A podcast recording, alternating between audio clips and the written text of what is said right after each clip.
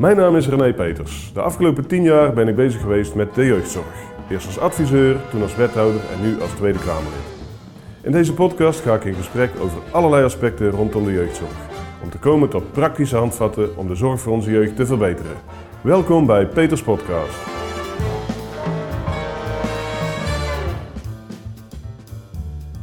Welkom bij uh, podcast nummer 3 van seizoen 2. Ik zit hier met uh, Bart Bakker. Hij is kwartiermaker gebiedsgerichte financiering in de Ruwaard, in de mooiste plek van Nederland, Os. Ehm, Bart, kun jij jezelf eens voorstellen en waar zijn wij op dit moment? Nou, mijn naam is dus Bart Bakker. Ik ben kwartiermaker van Proeftuin de Ruwaard.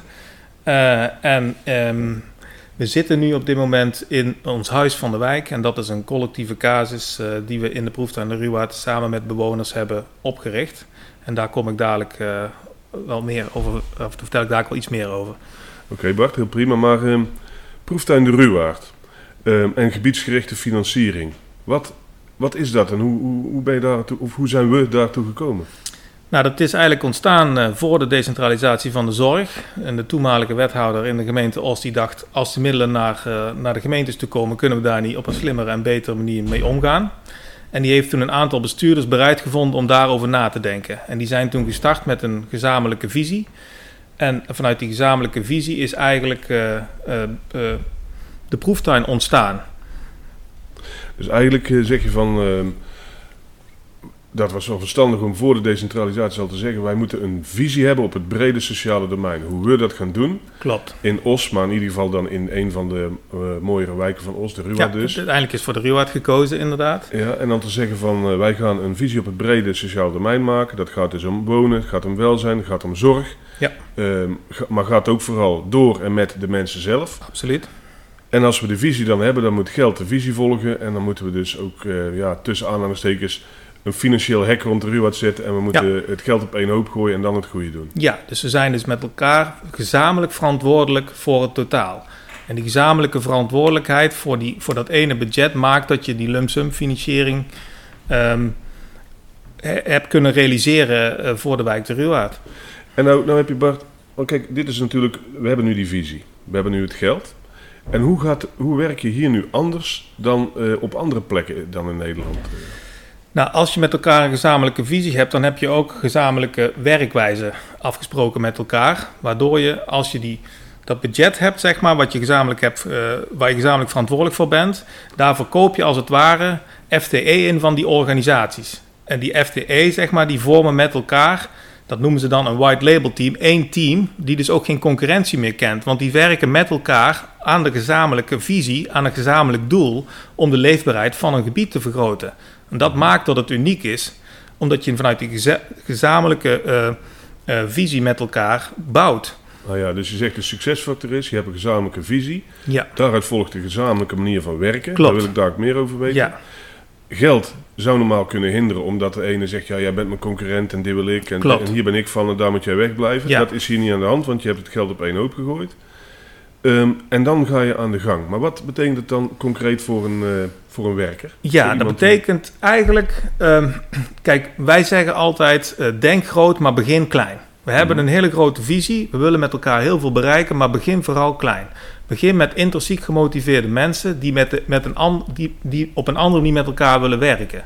Dus we hebben gezegd, als we gaan starten, beginnen we gewoon heel simpel met één casus. En die casus, vertrekpunt van een casus, is altijd de vraag van een burger in plaats van het aanbod van organisaties.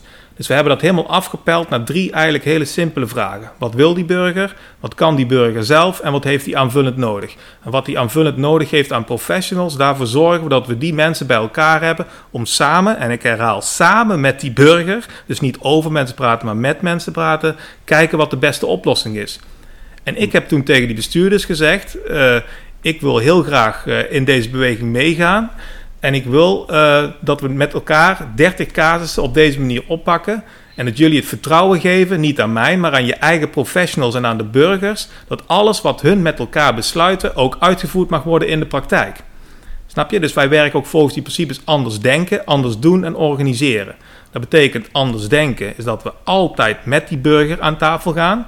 Het anders doen is dat we de oplossingen die eruit komen ook altijd mogen uitvoeren. Mhm. Daarvan leren, zodat we uiteindelijk anders kunnen organiseren. Oké, nou je, je, je zegt veel wat me bekend voorkomt. Maar het eerste zegt, oké, we hadden dus een, we hadden een visie, we hadden het geld, we hadden de manier van werken afgesproken. En nu heb ik mensen nodig die dat kunnen. Want je Ja. zegt eigenlijk, ja, Klopt. we denken groot, maar we beginnen klein. Ik Ja. heb de goede mensen nodig. Blijkbaar kan dit niet iedereen en moet je er echt voor, of nog niet iedereen, en moet je er mensen voor hebben die hiervoor gemotiveerd zijn.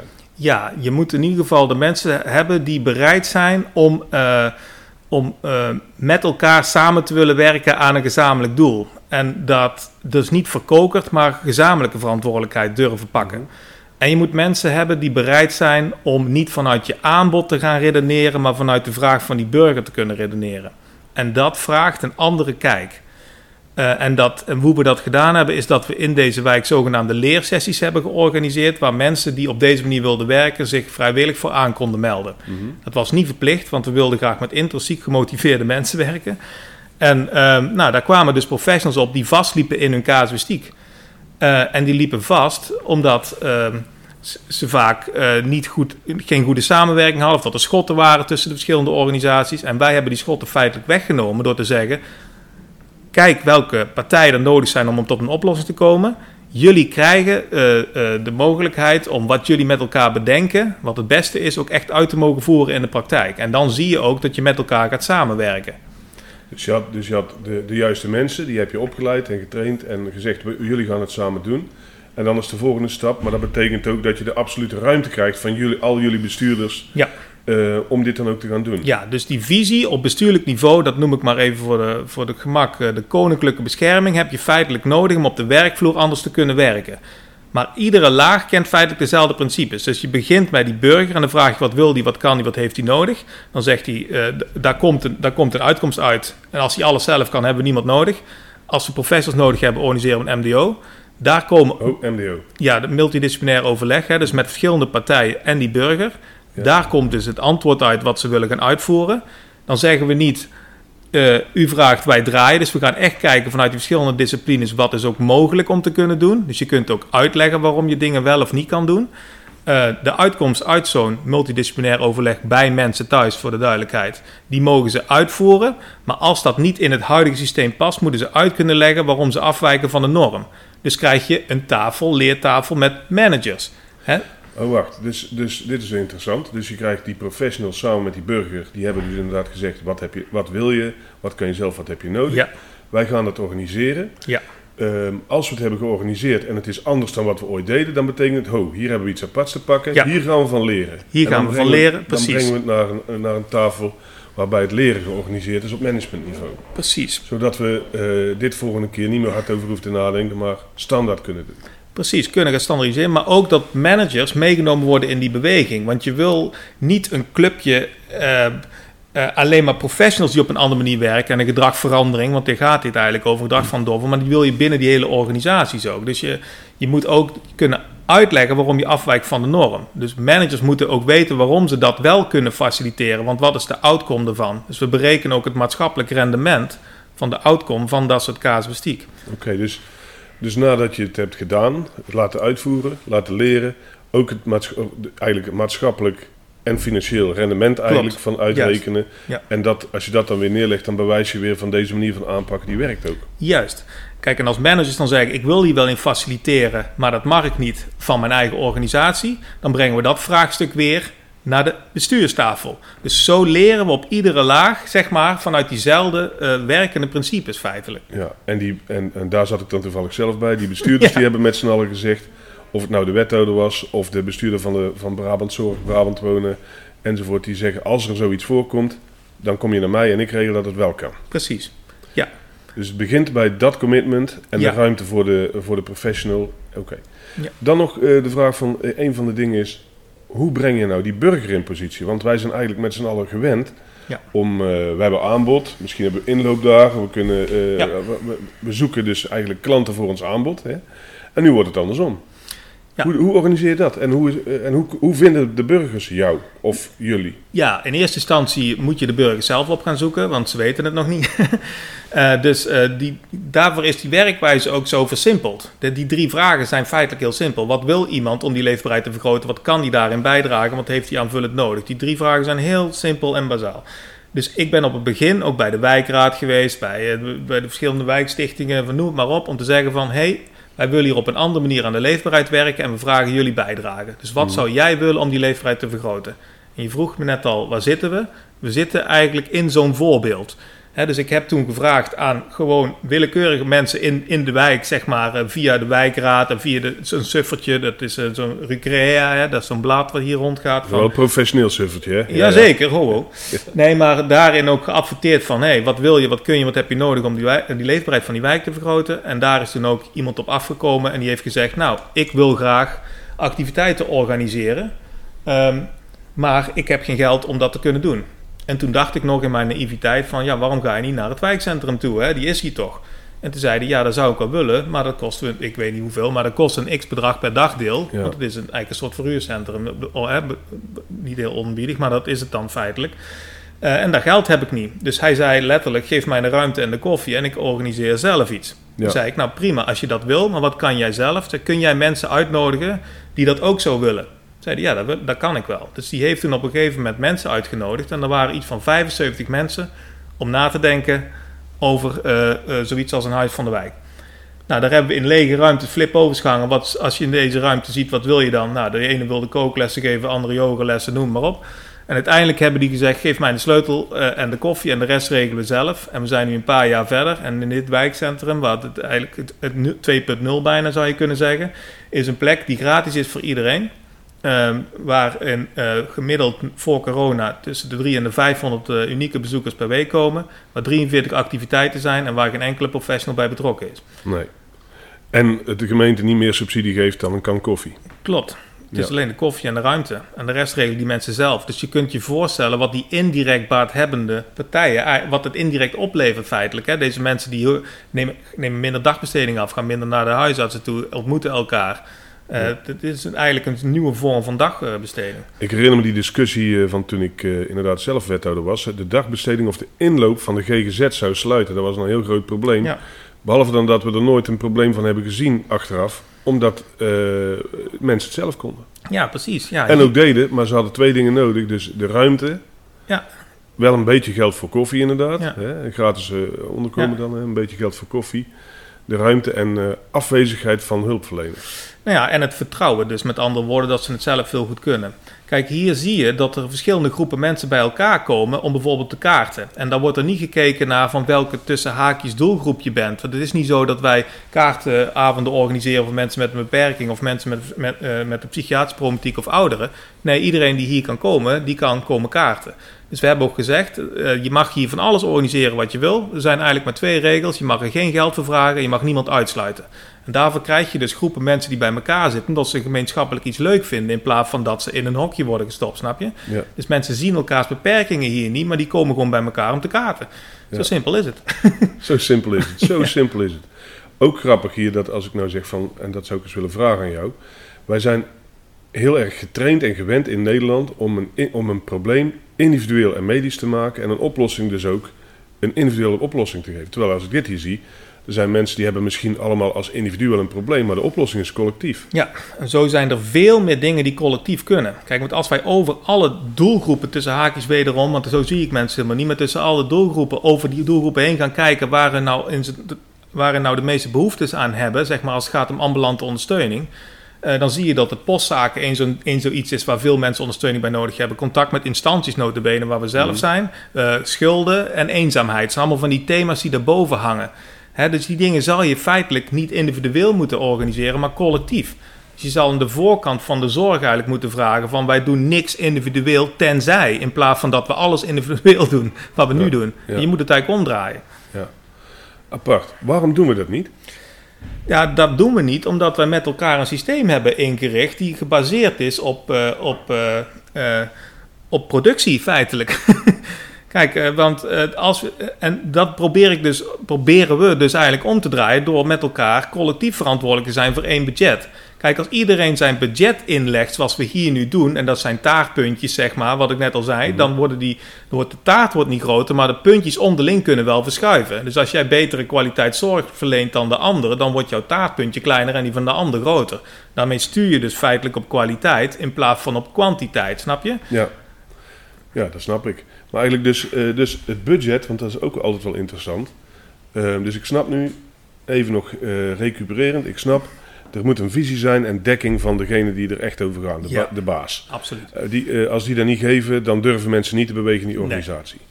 Terug naar beneden heb je mensen nodig die willen bewegen. Die moeten de ruimte krijgen, het vertrouwen en dat gaan doen. Ja. Ze gaan dat doen door de burgers in, hele simpele vragen te stellen. Wat wil je? Wat kan je zelf? Wat heb je nodig? Nou, daar komt een antwoord op. Dat antwoord ga je doen. Is het niet standaard, dan gaat het naar het management. Kunnen we ervan leren en kunnen we het alsnog standaard maken? En zegt die manager, nou hier is zoiets geks aan de hand. Dat mag ik niet binnen mijn organisatie. Dan komt de Precies. bestuurder aan de gang. Precies. Als je dat doet, kom je tot veel collectieve oplossingen voor problemen die we tot nu toe individueel zagen. Ook, ja. Dus eh, die heb je hier nou bijvoorbeeld in het Huis Ja. van de Wijk. Daar waren dus inderdaad 500 mensen eh, gewoon hun eenzaamheid en wat ze wel niet anders aan zouden hebben. Ja, Daar wordt niet naar gekeken. Je krijgt gewoon koffie en gaat gewoon praten. ja, Hoe moeilijk kan het zijn? precies. Tegen nauwelijks kosten. En uiteindelijk wordt die, die totale taartpunt in deze wijk niet steeds groter. Nee. Ehm, nog sterker, als het werkt zoals je het hoopt, kan het geld besparen. Ja, nog sterker, maar zover zijn we nog niet. Kijk, wat je echt zou willen is dat je die taartpunten zo ver verschuift dat je, eh, dat je feitelijk eh, misschien wel de right to challenge kan gaan invoeren voor burgers, zeg maar. Hè? Dus eh, dat je echt burgerinitiatieven veel meer aandacht geeft. Dus wat we eigenlijk willen doen en zeggen van de besparingen die we hier opleveren, die blijven in de wijk. Snap je? Dus dat is een hele belangrijke. En het, zover zijn we nog niet. We zijn ook aan het pionieren op dit moment. Hè? Dat moet je ook realiseren. Dus Ehm, maar mijn droom zou echt zijn om, daar, om dat verder door te ontwikkelen met elkaar. Ja, Ja, dus je zegt dan heb je, dan heb je die, die blijft gelijk, maar het geld Ja. gaat van zorg, is minder zorg nodig. Ja. Wat we nu dan Ja. zorg nodig is minder nodig. schuift op. Ja, Schuift op en dan zou je kunnen zeggen, hé, hey, we hebben hier een burgerinitiatief. We gaan eens, ehm, noem eens wat, speelvoorzieningen uitbreiden voor... Bij wijze eh, van of- spreken. Ja, op wijze van spreken. En dat kun je dan doen. En zodat je eigenlijk met die burger investeert in die leefbaarheid precies. als oplossing. Ja, en kijk, een van de belangrijke dingen die ik net niet gezegd heb, is data. Want je, wat je eigenlijk wil doen, en dat hebben we ook op het begin gedaan, is een wijkprofiel maken. Dus je maakt een profiel van zo'n wijk. Hoeveel mensen wonen er? Welke, zijn er ouderen? Zijn er jongeren? Er is heel veel data beschikbaar over zo'n wijk. Daar kun je uiteindelijk je wijkbudget op afstemmen. En je data, zeg maar, eh, die, die heeft twee doelen. Eén, wat leeft er allemaal in de wijk en wat kunnen we collectiviseren? En twee, we kunnen meten aan de hand van die data of dat we de dingen die we doen ook op de juiste manier doen. Hè? We kunnen kijken eh, wat, daarin, wat daarin verschuift. Hè? Zijn er minder werkelozen, minder eenzaamheid? Dus dan zijn we op de goede manier bezig. Dus die data die we normaal gesproken gebruiken, gemeentelijk of wie dan ook gebruikt ook data, maar die gebruiken data als een, als een stok om mee te slaan, als het niet goed is, zeg maar. Terwijl wij data willen gebruiken als een, als een zaklamp, zeg maar, waarin we met elkaar gaan zoeken om te kunnen verbeteren. Dus wat we hier aan het doen zijn, is geen project eigenlijk. Het is een gedragsverandering, wat ik net al zei, die continue aandacht en doorontwikkeling blijft vragen. Vandaar Ja. dat we die leersessies ook twee wekelijks laten terugkomen eh, op ieder niveau. Dus het is een enorm, het is echt een enorme investering feitelijk in tijd en ook misschien wel in geld om het aan de voorkant heel goed te regelen, zodat we aan de achterkant eh, het ook echt, echt preventief kunnen gaan werken uiteindelijk. En de achterkant opgelost hebben. Ja. Nou, dat is inderdaad mooi dus dat je het, dat je het hebt. Visie, die, daar waren we mee begonnen. Ja, Dat is trouwens al sowieso belangrijk dat, je, dat er gewoon überhaupt een visie op het brede sociaal domein is. absoluut. Als je die dan hebt dan Ja. en je gaat het doen en dan ga je er ook nog van leren. En dat Ja. blijft een continue, ja, Continu proces. continu proces. Ja. Ja, om er beter in te worden. Ja, het is een sociale impact. Hè. Wij gaan ervan uit dat je als je een enkelvoudige oplossing altijd, eh, altijd zal leiden tot problemen. Want eh, het systeem zeg maar, van, een, van een vraag zeg maar, heeft, kent veel meer facetten. Ja. En die moet je allemaal zien. Moet je allemaal zien, een hele klus. Bart, zou jij eens, nou hebben we hier één hele mooie grote casus, maar zou je eens, die heet dan Huis van de Wijk, maar zou je eens kunnen, maar kunnen vertellen bijvoorbeeld, heb je nog meer casussen? Gewoon om eens een voorbeeld te geven van hoe dingen werken. Ja, nou ja, er zijn zoveel casussen. In de, de individuele casuïstiek eh, zijn er al meer dan 500 eh, die, de- Mhm. die we met elkaar opgepakt hebben. Eh, maar ja, een andere, andere sprekende casus vind ik zelf ook dat we nu met justitie bijvoorbeeld een hele mooie samenwerking zijn aangegaan. Hè. Justitie kent het zogenaamde snelrecht, hè, dat ZSM. Nou, dat pakt een politieagent pakt iemand op en dan... dan wordt er een straf, dan wordt er een, hoe noem je dat, een, een, een advies voor een eh, strafmaat uitgesproken, zeg maar. Die Mhm. wordt heel snel afgedaan. Ehm, maar wat je ziet is van, eh, kijk, deze mensen die bijvoorbeeld diefstal hebben gepleegd, eh, die, dat zijn vaak mensen die we al in zorg hebben, zeg maar. Hè? Mhm. Dus we zeggen nu van, kijk, als dat is, krijgen ze een seintje. Oh, die komt uit de Ruwaard. Kijken we of die al in zorg is. Kijken we of we kijken welke andere partijen er betrokken zijn. Of we gezamenlijk een adviesmaat kunnen geven. En heel plat gezegd kun je zeggen van, ja, als iemand bijvoorbeeld diefstal pleegt en je geeft hem een taakstraf bij de blokker, terwijl die eigenlijk eh, een kleptomaan is, zeg maar, en bekend is bij de GGZ, dan weet je dat je daar ook de boel leeg haalt. Dus je moet met elkaar gaan kijken van hoe kunnen we die... Ehm, hoe kunnen we nou ervoor zorgen dat er een passende strafmaat is? Zo hadden we dus ooit iemand die dus, die dus ook eh, eh, voor diefstal opgepakt was. Maar dat bleek eigenlijk iemand te zijn die dat doet omdat hij zijn verslavingen daarmee wil bekostigen, om het zo maar te zeggen. En die heeft toen gezegd van geef mij alsjeblieft als straf dat ik verplicht moet afkicken. Eh, want jij gaat mij wel straf geven dat ik moet afkicken, maar daar zit geen verplichtend karakter aan. Dus na twee weken ben ik weer weg. Dus zo probeer je duurzaam mensen te helpen. Dus dat, dat is ook wel een collectieve casus met justitie, maar die hebben, heeft individueel heel veel effect. Ja, interessant. En eigenlijk ook apart dat we dat niet standaard doen. Want als je iemand al kent vanuit justitie en zegt van hij is, hij is in beeld. Er zijn allerlei kanten aan dit verhaal. Hoe kunnen we samen tot de beste oplossing komen? Dan kan het zomaar zijn dat je iemand een taakstraf geeft in zijn eigen buurt. Eh, hier op de kinderboerderij om iets te doen. Ja. eh, en, eh, en dan eh, ook daarbij meteen zijn sociale netwerk een beetje versterken. Ja, ja, kijk, wij gaan heel veel uit van aannames. Een andere casus was van een man die heel veel spullen verzamelde, een soort hoorde. Dus we werken, wat ik al zei, samen met de woningbouwcoöperatie. Super belangrijke partijen, want er zijn voor ons zeg maar de ogen en oren van de wijk. Hè, dat zijn geen hulpverleners. We gaan van niemand hulpverleners maken, maar die kunnen wel signaleren. Als die signaleren en die leggen die drie vragen bij die persoon neer die al die spullen heeft verzameld. Wat wil die? Wat kan die? Wat heeft hij nodig? Die beste man wilde echt van zijn spullen af. Maar die was doodsbang als hij daar ging melden dat heel zijn huis werd leeggehaald. Dus, dus die zei, dat wil ik niet. Ik wil er zelf controle over hebben. Uiteindelijk eh, zijn we daar op gesprek gegaan. En toen bleek ook dat die man die spullen verzamelde. Omdat eh, hij een traumatische ervaring had gehad in zijn verleden. Die, waar hij niet bij werd geholpen. Nou, daar hebben we mee geholpen.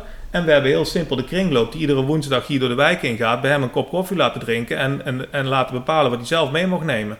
Of wat die kringloop mee mocht nemen. Nou, dat heeft wel een jaar geduurd. Maar zijn huis is nou al half leeg. Snap je? Dus, en terwijl dat nooit gebeurde.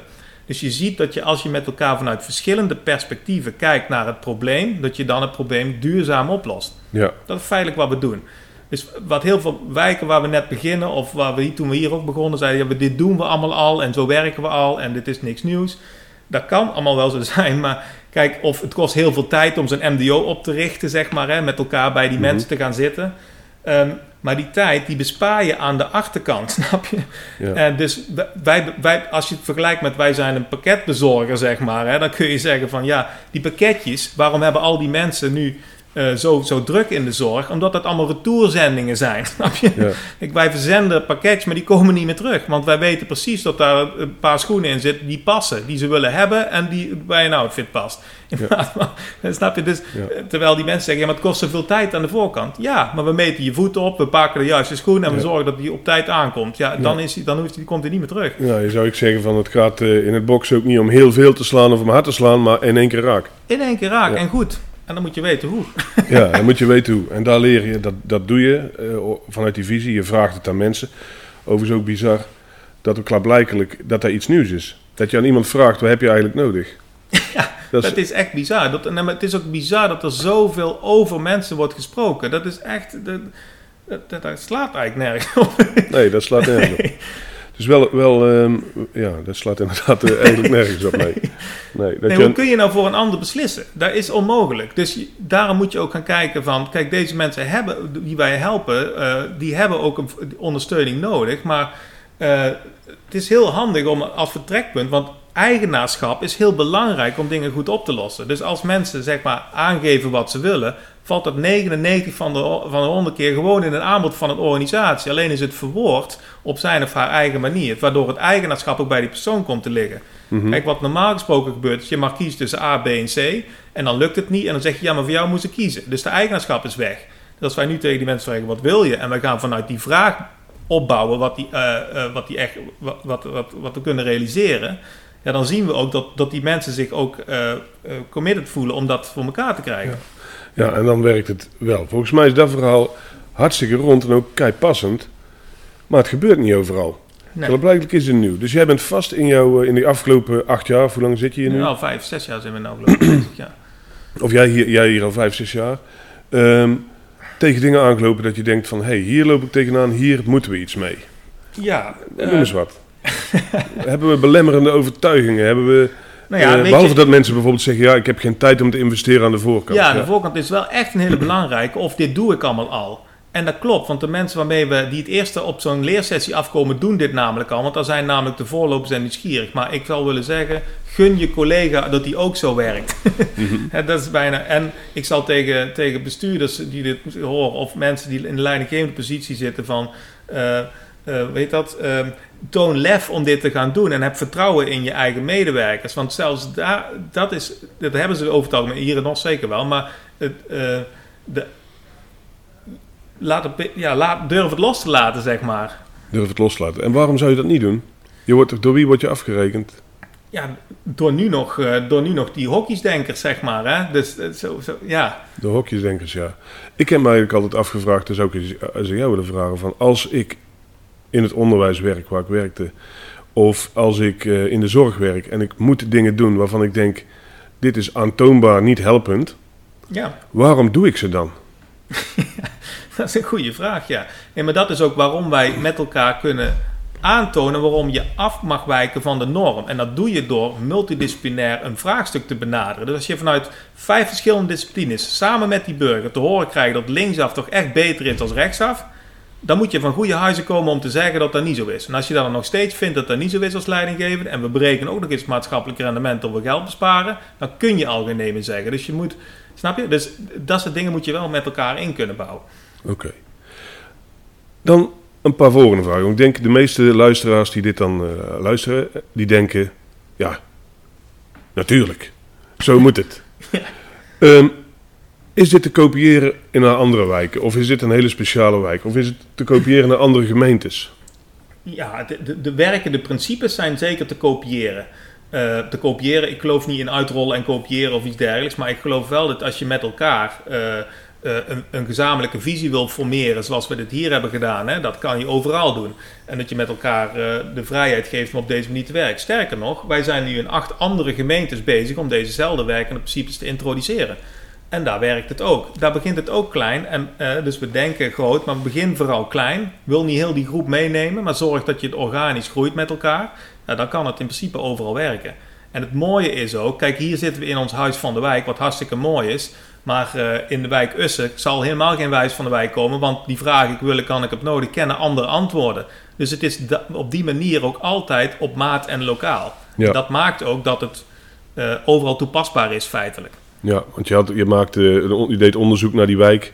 Welke mensen dat er wonen, welke vragen dat er leven. Ja, Je maakt een sociogram, welke mensen kun je activeren. En dan Ja. van daaruit ga je bouwen. Dus de antwoorden hier in de Ruwaard zijn per definitie anders dan in Ussen. per definitie anders dan waar dan ook. Dus dat is ook het mooie van dit principe, zeg maar. Mhm. Want eh, het is ook daarmee automatisch op maat, zou ik bijna willen zeggen. Mhm. Automa automatisch, ja. grappig.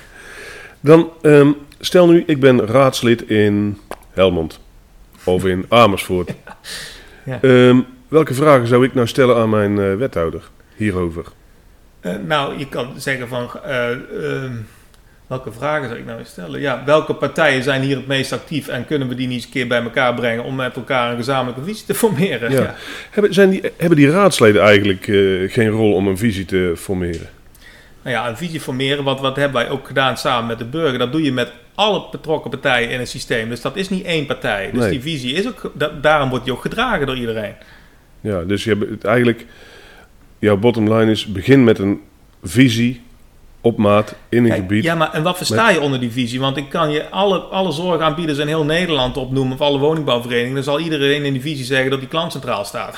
Ja. ik bedoel, dat, dat, dat is niks. Dat is een containerbegrip. Ja. Dus je moet dat afpellen. Je moet zeggen, die visie inderdaad, eh, dat hebben wij ook gezegd. Maar wat verstaan we daaronder? Dus welke... eh, eh, als je, dat, je maakt een soort din. Je hebt je doel, welke interventies heb je en welke netwerken ontstaan eruit. Dus die doelen en die interventies die maak je met elkaar en de netwerken ontstaan automatisch. ja, dus je zegt, want een visie, kijk die visie die jij net noemt van ja, vrede voor iedereen, dat zijn, Ja, ker- zeker, dat tuurlijk. zijn, zijn kerstwensen. Ja, zeker. Dus, maar je zegt eigenlijk, maak een visie en vertaal die in concreet waarneembaar menselijk gedrag. Zeker. En dat, dat betekent dus als wij deze visie zien, dan gaan wij dit gedrag zien. Ja, ja. Oké, en als we Dan dat... ontwikkel je een nieuwe cultuur. Ik had laatst een leersessie en er zei iemand van eh, in een andere wijk, ja, dit doe ik allemaal al lang, want ik bel gewoon, eh, ik heb hele korte lijntjes en ik bel gewoon Pietje op. Ik zeg, dat is hartstikke mooi, maar dat is cultuur in jouw wijk.